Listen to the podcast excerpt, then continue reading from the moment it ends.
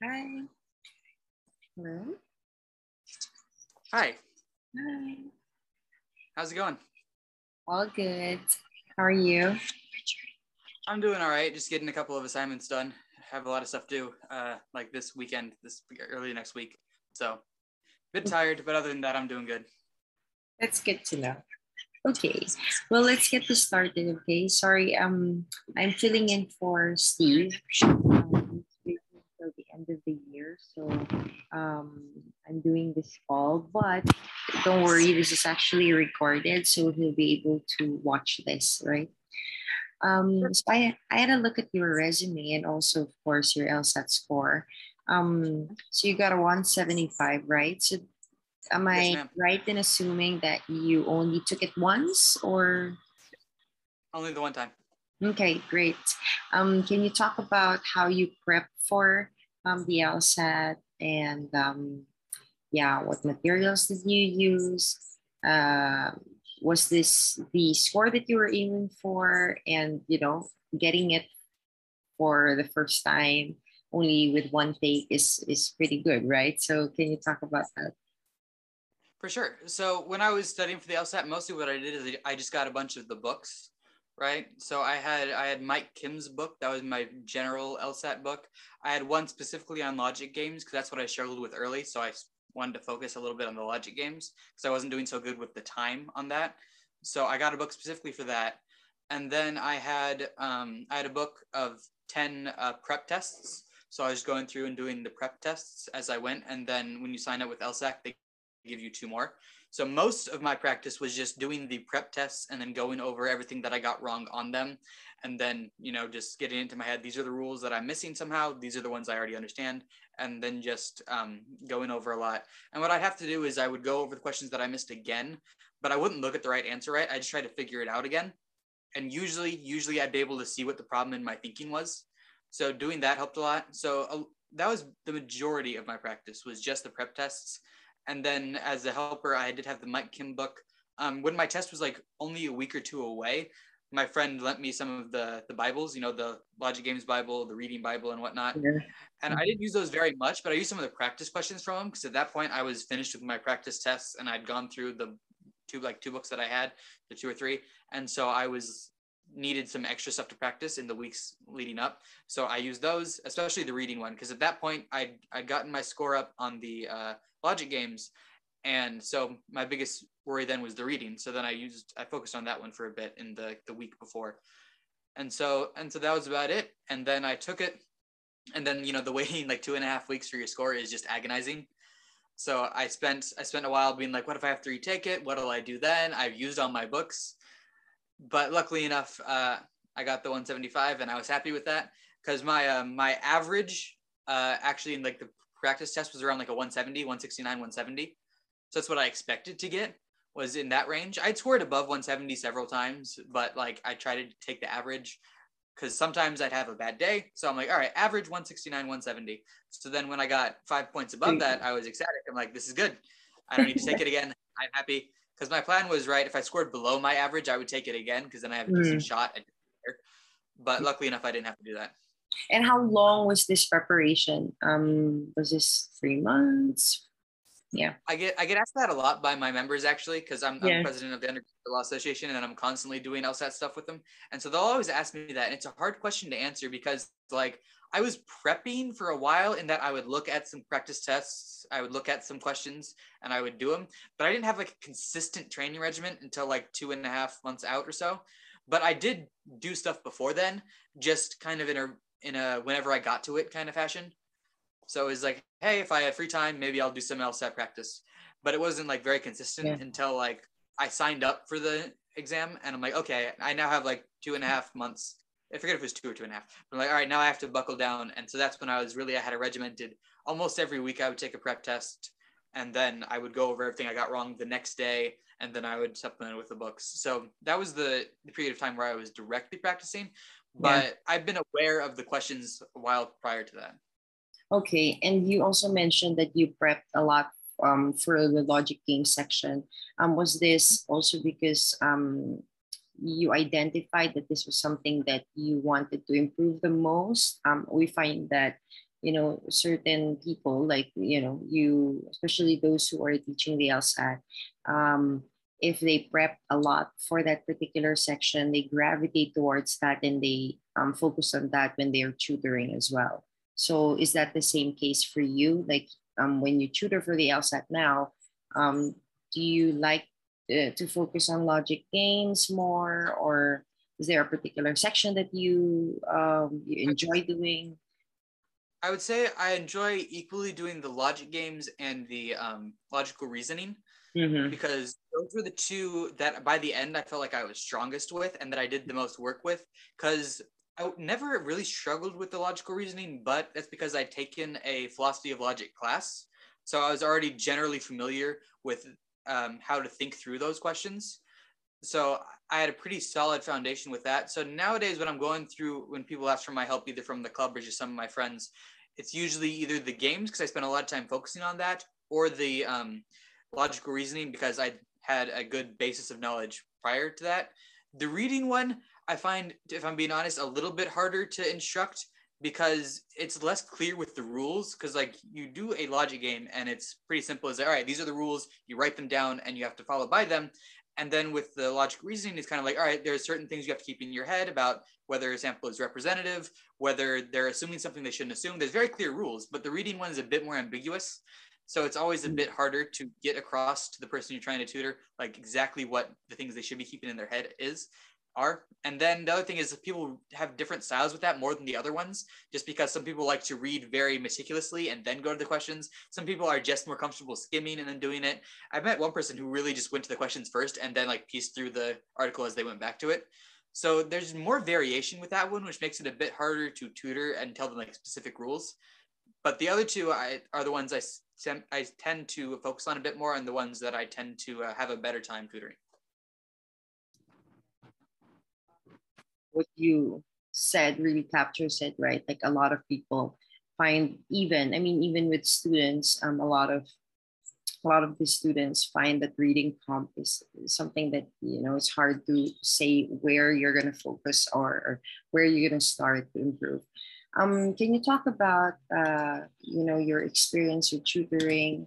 When did you decide that okay i want to do tutoring. I want to um, you know was this uh, after you got your score? Was it even before that? Because we find that people who start tutoring they you know they start early on right? Yeah. It wasn't like a conscious decision on my part. I just knew because like after i took it i still knew people that were taking it right? Who were in the midst of studying. And so i started off just being like hey if you want some help i finished mine already. I'd love to help you out with it if you need to. And so a lot of people who were in the same club that i was uh, would be like ask me questions about it. And so i'm like all right. So i spent a decent amount of time i sat down with one person. She's now um she's now the vp of communications in my club. At, at the time she was just a member and she came to me after one of the meetings and said hey sebastian i heard you did really well on the LSAT and you feel like you're really comfortable with it. Can you help me and go through some questions with me? So i met with her like five times and we just spent like an hour or so going through uh, questions mostly mostly the logical reasoning ones. And so and i felt and i felt like i enjoyed it because I don't know, I kind of missed the LSAT a little bit. I didn't miss the pressure of it, but I missed going through the questions. So I was happy to do it. I'm like, oh, this is nice. I'm doing the questions again. I'm challenging my mind in the way that I enjoy, but there's actually no pressure on me, which which is nice. Yeah, yeah, yeah. Um, so, uh, sorry, a few more things. I'll just finish up. And so then I felt that I enjoyed that, and so I then I started to say it more often to people. I'm like, by the way, if anyone needs help, come to me and then I started to do some specific things with my club. I did two um, days that we just focused on specific sections of the LSAT. We did the logic reasoning, we did the logic games, and I had, I had I think six and then ten questions that I would just break down for the entire club, and I'd take their questions and I'd guide them through it. And so I did that for those two sessions, and then actually I didn't see the post about hiring myself. My um, VP of marketing, he saw it, and he's like, "Hey, Sebastian, you're already tutoring us a bunch. Why don't you apply for this?" I was like, okay, cool. Sounds like a good idea. Okay. Um, since you're talking about how you got into tutoring, I also want to know like your plans in the next couple of um, months or years. I know that you've applied to law school. Um, a lot of the tutors that or instructors that we work with, um, they're waiting to get into a law school. Some of them they put that off. You know, like um, they're also figuring out what they're what they're gonna do next. Um, in your case, um, if I may ask, what are your plans in the next, um, you know, couple of months? Sure. So I've I've sent out all my applications already, and I've gotten I've gotten a couple back. Unfortunately enough, I got waitlisted at uh, University of Virginia and Cornell. I got into uh, Arizona State, which is pretty good. They're top 25. Mm-hmm. And then I mm-hmm. got into Georgetown. So that's what I'm yeah. most excited about is Georgetown. And I'm still waiting on on four more. So uh, I'm not quite sure which one I'll end up going to. Obviously, it yeah. depends how much uh, their financial aid package is, and it depends exactly which of the four still out there mm-hmm. actually let me in. But until then, my main focus obviously is graduating because I have to, you know, graduate this semester. So mm-hmm. I'm working on my senior thesis. I'm working on. Uh, I'm president of the club right now. I figured I would step down next semester and let someone else uh, take the president job, so I could focus mostly on my thesis because that's a big thing that I have to do for my honors diploma that I'm trying to get done. Yeah. So I'll be a bit more free next semester than I have been this one. So that's where my main focus is right now is seeing where I get into making that decision and then also just doing the stuff required to graduate. I still have because I have like uh, I have three majors still left that I have to do like one or two classes for. Okay. So my my last semester is still decently um decently packed. Not terribly though. It's less it's less credits than I usually take, so it won't be difficult. But it's still where a decent amount of my mind is focused. And then I was figuring at the same time I should get some sort of job so that way I can save a little bit for law school. And so that's when my uh, VP of marketing sent me this link, and I thought it was a good opportunity.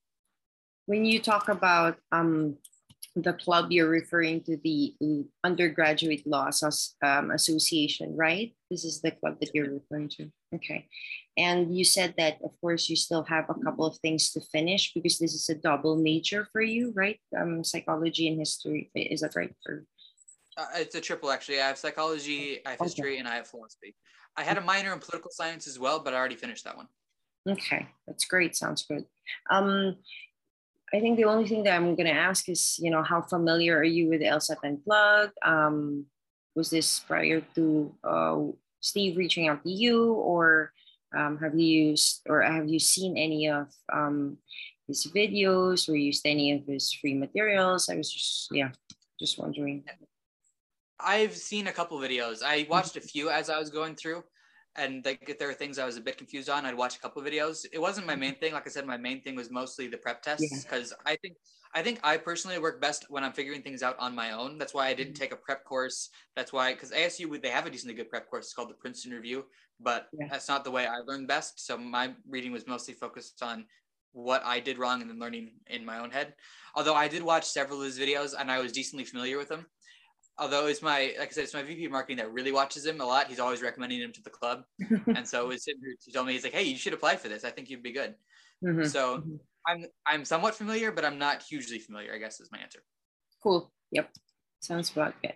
Okay. Um, do you have any questions um, for us? This would be a good time for you to ask those. Um, I know that you know for some people they they have a couple of questions about the position. Yep. Well, I guess I'm a little unsure exactly how how it works. Sure. If if I be hired, exactly like is it mostly over Zoom tutoring? Like you'd pair me up with someone who wants to learn. And how many different people would I be tutoring? Was it do you focus on a few specific people, or is it you're just a general person that a lot of people can come to? Just like the kind of uh, specifics of that, I'm not quite sure about. Okay, so when we hire instructors and tutors, um, we usually have one particular class that they teach. It's a group class. It happens every week um, we find that a lot of instructors or tutors they like that because there's consistency to it. It's a one hour class. It's focused on a particular section of the LSAT so it's either logic games logical reasoning reading comp um, mm-hmm. and then aside from that um, if students um, reach out to us um, because we get a lot of inquiries about tutoring um, one-on-one um, then we match that with you especially if they you know they uh, request for you. Like if they say, "Hey, I had um, I joined the group class with Sebastian. I really like the way he taught um, this particular um, you know section or uh, topic. Um, I'd like to tutor with him one on one. Then we um, match that student with you. Yeah, so we take care of all of the administrative um, side of things. Yep um, yes, that's how we do it with um, instructors and tutors. So regarding the material that I teach in the class, Mhm. is it like give me material or is I construct my own curriculum and then run it by you? Or how does that work? Okay, so like with the way you prepped, um, we're really focused on using just the prep tests. You know, um, a lot of the students in our course they already went through or they have access to the foundational, you know, material or the, these are the basics teaching, you know, game types, question types, um, methods when it comes to reading comp. So when they attend your group classes or even your one-on-one, a lot of them really just want to drill down on particular um, question or game, right? Um, and so we use or we recommend using LSACs um, prep tests. You know, Mhm. um, I think this is this is most likely the main um, material that they use other than the course. Now, it happens also that some of the students, when they join the course or they become our student, they already have all sorts of other materials, right? Like they've bought the Bible, they bought um, whatever it is. Um, if they do want to use that in conjunction with um, your tutoring or with also the course, we allow that, of course. You know, as much as possible, we want them to. Um, the goal there is for them to reach their target score, right? And so, if that means um, using the current materials that they have, uh, we're focused more on the strategy. How do you review? How you know how to understand where you're making these mistakes that's the focus is most of the time with our yeah with our classes All right. So with the classes, it's mostly the students coming in with their own materials and their own questions rather than like me lecturing, for example. yeah um, especially with group classes it's really focused on a particular um, like for example they come in and they want to let's say it's a logic games group class right and um, we usually have a particular game that we want to focus on that that um, that class. Like let's say you're working on prep test game one right? Like prep test 67 game one right? And while you're doing that in class people would uh, students would you know ask questions like okay this is similar to another game that i'm working on um, would this diagram work so that's how the dynamics of a group class would usually happen so it's a lot it's a collaborative environment we like it that way instead of you know the um, instructor coming in and saying hey okay this is our topic and you usually have a specific topic just so that you keep it focused um, a lot of Yeah. students also like that um, but you have a lot of time also answering questions of students. Yeah. Cool. And how how big would you say the groups are for these classes? Are Oh, they like small, tight knit group, or is it more like a large, expansive thing? Okay, I think it's really relatively small. Um, we have about five students to sometimes 20 students in a class. It really depends on how, well, a lot of factors, right? There, it depends on the season. So around this time, nobody's taking the LSAT. Um, we just finished with the last LSAT for the year. Um, and then it also depends on the popularity of the class. Like some people, they really like, um, you know, we find that a lot of people, they like covering most recent prep tests. Also because, you know, um, older prep tests, they like to do that on their own, right?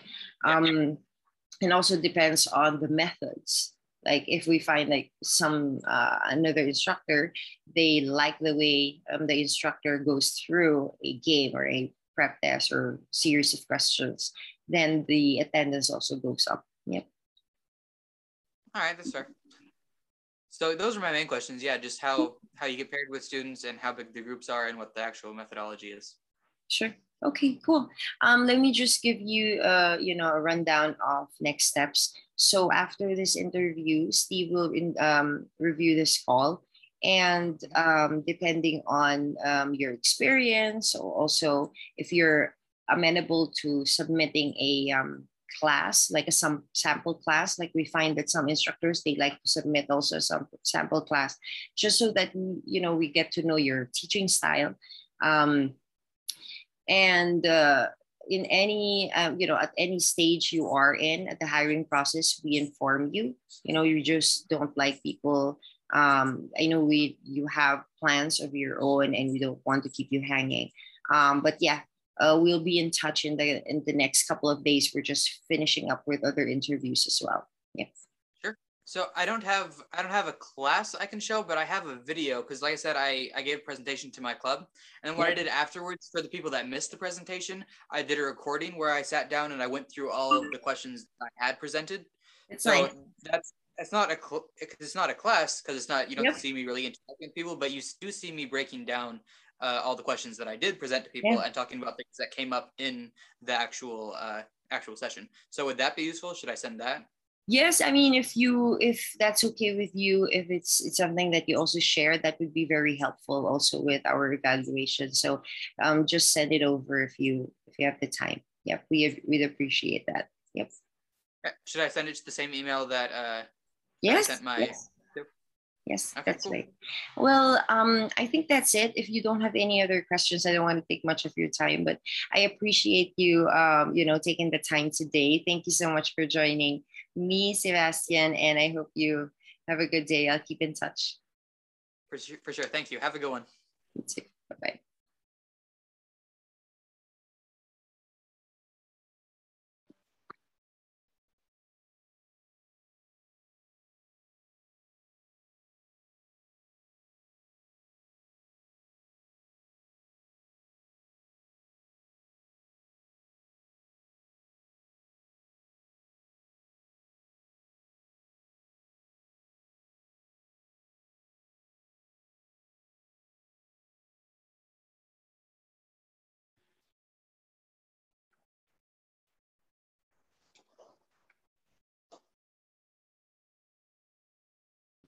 Hi, Andrew. Can you hear me? I can. Yeah. Can you hear me all right? Yes. Sounds good. It seems like your connection is okay. Yeah, I, I think so. So No. Okay, let me just try to try to get some. let's see.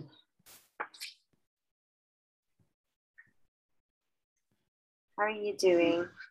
I'm I'm doing well. What about yourself? Yes, all good. Bit I'm I'm calling you from the inside of the uh, platform tent right now. So that's uh, explains the sort of funny uh, walls around me. Yep, not a But, uh, problem. Okay, cool. Well, anyway, um, let's get started. So, first, I wanted to, um, this will be a quick chat, really just to get to know you more about your LSAT journey. How long did you study for it? Um, before you got to your target score, can you talk more about that? Yeah. Absolutely. Um, yeah. So I began studying. I think, um, like officially January of of 2020. So total my uh, time was approximately eight months. Um, at the time, I was working full time, and so I really squeezed in studying in the evenings and on the weekends when possible. Um, and so, yeah, I would say from January till approximately July, I was studying after 5 p.m. and then on the weekends I would take practice tests. And so I think I, I took the August LSAT, and just a month before that test, um, I decided that you know the return on investment potentially from a higher LSAT score would be uh, would far exceed you know a, a month's worth of work, and so I, I took that uh, sort of a respite from work and was just studying full time, and and really it was at that time, um, oddly enough, that I did see an exceptional uh, increase in my score. So I think I had started um, in the sort of low 50s and then kind of crept up to the 160s and then really plateaued in the mid 160s for quite a while. And it wasn't until I took a month to really, you know, eight hours a day or so, um, zero in on the the weaknesses that I had identified that I saw kind of the low one, low mid 170s, and then ended up getting a 173, which was sort of in that range. I think my highest was 176, but uh, I was pleased enough that uh, with a 173, I was finally done trying to bump it up. when you were platooing, um, what particular section were you having trouble with, or? Yeah, uh, the reading uh, reading comp I actually felt was the most difficult at, at the end. I think at first the logic games were the most foreign to me, just because they're so. Um, it's not really something that I had experienced in my academic past. I'm a political science major, but they're so formulaic that once I started to develop sort of different models, um, I was getting consistently negative one and zero. And I think the logical reasoning, uh, although those are so nuanced, I felt like the logical reasoning really did coincide with kind of my analytical, uh, logical framework and way, and way of thinking. But reading comprehension was the one that I felt was the most difficult. Um, and I once I sort of read for structure and was less you know, uh, obsessed with the minute details and try to remember every single element of that. It was sort of like an aha moment. And and to be honest with you, I think that was, you know, I attribute that highly to the LSAT Unplugged, listening to the podcasts and, and hearing Steve talk about, um, you know, how you should read for structure and not sort of bog yourself down with getting in the weeds. Um, that really did help a lot. And I kind of supplemented my studying with uh, Scientific American and The Economist, uh, to which I still subscribe. Um, and I think that really just was was a, a, huge help for me. Yeah, and that's good to know that you um, you saw a lot of improvement with reading comp because we find that a lot of students when they do prep for the LSAT, they feel like reading comp is one section that they can't improve on, um, and mm-hmm. they usually, you know, um, whatever it is that they're scoring with reading comp, they just say, okay, maybe I can score better in logic games or logical reasoning because reading comp mm-hmm. uh, is sort of like a dead end for them. But it's great to know that you actually found um, something that you know helped you improve um, this particular section. Um, now that you're teaching the LSAT, um, do you also so we find that or at least uh, with the people that I've talked to, like sometimes they would um, focus on a particular section that they were not so good at. And when they're teaching the LSAT, um, that's something that they like to teach, also because they see the most or they've seen mm-hmm. the most improvement in it. Um, is that the thing for you? Or sometimes it's the reverse. Like if they're really, really great in logic games, that's where they want to focus when they mm-hmm start tutoring the LSAT. Mm-hmm.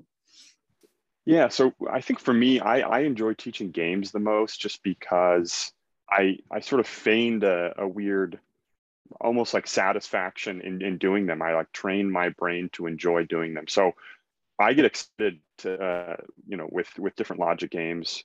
Um, so those are my favorite to teach just because there's so many aha moments in in teaching people to kind of tease out these different inferences and to, to see the satisfaction people have when you know they they take just the rules given to them able to force out even more inferences and and before they even confront the questions um, you know draw out so many conclusions and have an entire game board even met and mapped out. So that's a satisfying um, section of the test for me to teach.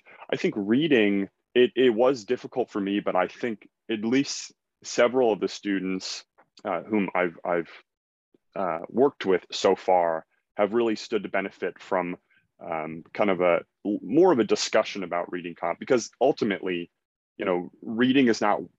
I feel like it's different from the other two in that I don't like teach a, a curriculum necessarily, but we kind of have a discussion about, you know, the the importance of reading for structure the importance of staying away in, in my opinion from like the highlighting and annotation uh, devices. And then, kind of when they come back to me after a week or so, having adopted some of those strategies, uh, the the return on investment that they say they've they've seen in their um, scoring that that's really satisfying. So, you know, although yeah, although games are my favorite, I think reading, you know, a student of mine uh, was reading the LSAT trainer. Uh, I think it's Mike Mike Kim's LSAT trainer, yeah. and he had said that at one point, like in the book, it was just like, don't even focus on reading. You know, you're probably not going to see a huge score increase. And I was like, I'll just say, you know, from the point of view of someone who saw a huge score increase, um, you know, that is like, don't take that at face value. That I don't, I, that was odd to me that that was um, in such a, a, reputable and, and um, widely used book. But uh, yeah, just as you said, I mean, some people see it as a dead end, and I unfortunately had had thought that, and um, do not currently think that that's the case. Yeah, I think that um, when we started out um, with group classes, and I'm going to talk about that in a bit, um, you know, a lot of people they go to our logic games class. I mean, it's a very popular class, um, but reading comp these days is also a very popular class because I think once you start doing prep for reading comp and you see, hey, you know, I'm improving, with my scores there's actually something that i can you know i can do something about it. Then something clicks in them and say you know they say that oh yeah it works you know or eh, sometimes it's not even the instructor it's really more for you determining you know what works for you right? Um, but you need that space and then that's something that we also um, create at least for our students. Okay cool. Um, I wanted to, I think there was only one more thing that I wanted to ask. I think, um, you know, with, um, with tutoring, um, and I know this is a very popular question. Um, what do you think is the most um, effective way to prep for the LSAT? In your case, when you do tutoring, do you prescribe materials when they come to you and say, Andrew, I've bought a lot of materials already like what do i do right? Like um where do i start? Where do i do i throw them all out? Um do i use mm-hmm. them? Like in your case do you use them with your students? Do you t- do you say let's start over yeah. Yeah so um from first of all i think for me i i try to stay flexible with my students so i don't have any sort of ironclad rules uh, my understanding is everyone's approaching this test from a different place. Yeah. and these sort of arbitrary like spend x amount of hours on this and x amount of weeks on this ultimately i think is is arbitrary because people have different skill sets. Um, you know some people have a strong uh, scientific background some people have no scientific background. And so i think first it's sort of assessing where the student's coming from and and not you know throwing out everything that they've worked with thus far, are but trying to sort of build a framework upon it. And so um, there are books and, and different curricula that I suggest. Um, I thought that the Power Score, uh, logical reasoning Bibles and logic game Bibles were incredibly insightful. And so if someone's kind of starting from score one, I'll suggest using those as sort of a framework. Um, but for me, it is really just dependent on the sort of client's needs. And I've had the, the fortune of kind of working close with a handful of students. And so it's, I guess the, our sort of test prep journey has unfolded differently. Um, you know, one student really was, was a lot more dependent and we, they kind of ran on their own and, and I sort of served as a supplemental resource and someone who uh, help them navigate really tricky subjects of the test. Um, and then there was another student that really wanted someone to kind of lay out a curriculum for them and kind of assign different prep tests that were, were notably difficult in certain sections. And so I guess to, to make a long answer short, in my experience, it's kind of depended on the student and it's depended on my ability to sort of assess where the student's coming from and, and what their uh, skill sets are and what their deficiencies are.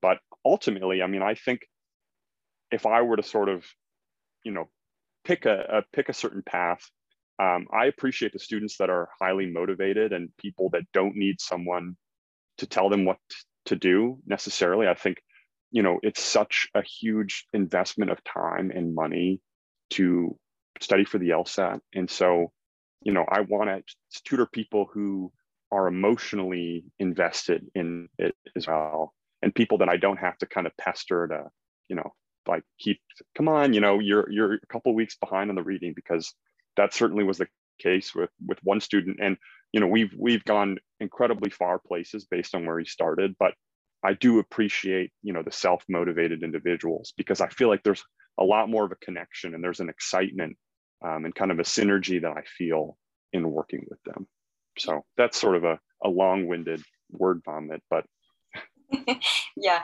but I. I mean, uh, if you're not self motivated, I think it would be very difficult for you to survive law school. Also, I mean, you can pass the LSAT, you can get the target score that you want. But once you get into law school, it's an entirely different ballgame. But I think it's also preparation mm-hmm. as well, right? For for that um, mm-hmm. for that type of life. So yeah, um, I think uh, yeah, I'd like to reserve a few more minutes for you. Do you have any questions um, for me? Yeah. Absolutely, yeah. So I um, I I'm certainly familiar with with the LSAT Unplugged podcast. It was one that I frequented during um, you know, my sort of studying journey. But I'm curious with the sort of courses and the instructor position, is there a core curriculum that you um, have devised or, or rely on? And, and sort of how, how do the instructors, um, is there a curriculum that you prefer that they teach or do you, mm-hmm. do you sort of hire people that have their own sort of uh, curriculum of their own? Okay, good question. I think it's a valid one. Um, so a lot, as you know, a lot of the materials that Steve has, right? 90% of materials are free, right? So people can really prep mm-hmm. using his podcast, using the YouTube um, videos. Uh, we have, um, with the courses that we have, um, the main material that we use are prep tests themselves, the, the official prep test of the LSAC. Um, the reason behind that is, of course, at the end of the day, you know, you can have, you can create all these sorts of materials, but um, you'll you still need to drill, right? You'll still need to go through all of these prep tests for you. You, you still need to do time sections. So if you're gonna ask if we have like a particular material that hey you got to use this one, most of the time all of our instructors uh, they can put together some sort of material. Like for example, um, the first thing that comes to mind, like for logical reasoning, if they wanna dive deeper into a particular question type, they can prepare material for that. But most of the time, what we encourage is okay, um, in the class, let's go through a set of questions for a particular section of the prep test uh, that you choose right? Most of the time, these are the difficult or the challenging questions because students are really interested in how to, you know, um, find out, okay, what's the best way for me to approach this type of question if I encounter this. So we find like a lot of students um, gravitate towards that type of prep. And so, yeah, that's, that's um, how our instructors do it. For logic games, for example, we go through one to two games um, in class um, we encourage everyone to collaborate and to really share how they um, so it's not really as an instructor when you're doing logic games um, group classes you're more of like a facilitator right? You sure you i mean sure you show them uh, how you uh, diagram a, a game but at this at the same time you encourage your students hey um, did you do it a different way? Maybe somebody else would talk about you know what they did or how they diagrammed it. And sometimes they also ask questions. Um, so that's you know that's the type of environment we create for students at least for the live classes. Um, and that's uh, when we hire an instructor you usually have um, one weekly live class. Um, that's one hour every week you're assigned to a specific section. Sometimes, you know, um, you can substitute for another instructor. So we find that most um, logical reasoning instructors, they also like to teach reading comp. You know, the, the approaches may be similar. Um, of course, you if you're familiar with Steve's um, Socratic review method, we try to do mm-hmm. that um, in the um, logical reasoning and the reading comp classes. But, you know, again, like what you said, people will always come eh, and prep for the LSAT uh, at different stages in their life, right? Like, you know, and, and that's where I think the challenge and also the, um, you say like the beauty of it like as a, as an yeah. instructor right? Like you try to mm-hmm. determine okay we have a class of like 10 people. How can i best um, support everyone even if one's a beginner another one's advanced and further in their prep? Yeah. Excellent. Okay. Well thank you so much. And then yeah, my my other question if we if we have a moment um, was just sort of you, you kind of mentioned you said there's one weekly live course. Mm-hmm. and then is there other sort of interaction with students or is it just kind of that one uh, weekly course and then we kind of touch base week by week Okay, so um, in class, yes, you're usually assigned one weekly class. That's one hour per week. Um, and then the students, we find that some students, if they like your teaching style, they, they approach us and say, hey, I want to tutor with Andrew. And then we usually connect you with a student, right? So we take care of everything in terms of administrative um, tasks and things like that. Um, but yeah, um, we find that a lot of students um, do that, especially when the LSAT is already near. Like sometimes they, they you know, they say, yeah. I want a few hours, you know, that, that crunch time. Yeah, crunch time. That's right. So, yeah, like um, just last, yeah, this month, right?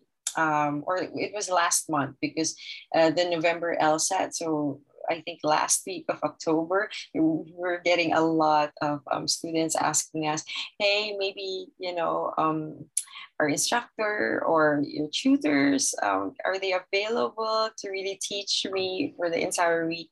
And I think this is, um, and you'll see a lot, I mean, you've seen a lot of videos of Steve saying, you know, if you're not ready, if that final week you're not ready, then might as well think about like what you're saying, right?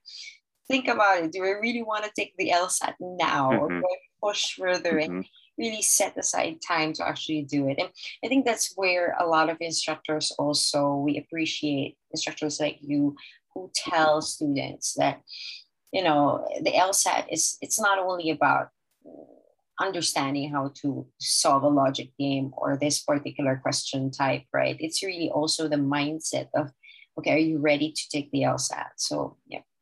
Absolutely. Yeah. Simulating that, you know, the environment itself um, is so important, as you said. Um, that those are really the the two main questions that I had. So I appreciate you taking the time to cool. answer them. Thank you so much, Andrew, also for taking the time today. Um, I mean, this is a holiday and you're taking the time to, to meet me today. So I hope you have a good holiday as well. I'll keep in touch. Um, you'll definitely hear back from us. If not, uh, we'll probably not this week, um, early next week. Okay. Fantastic. Well, thank you so much. Thank you. Uh, for, for taking this time as well. So thank you. Bye. Take care. Bye-bye.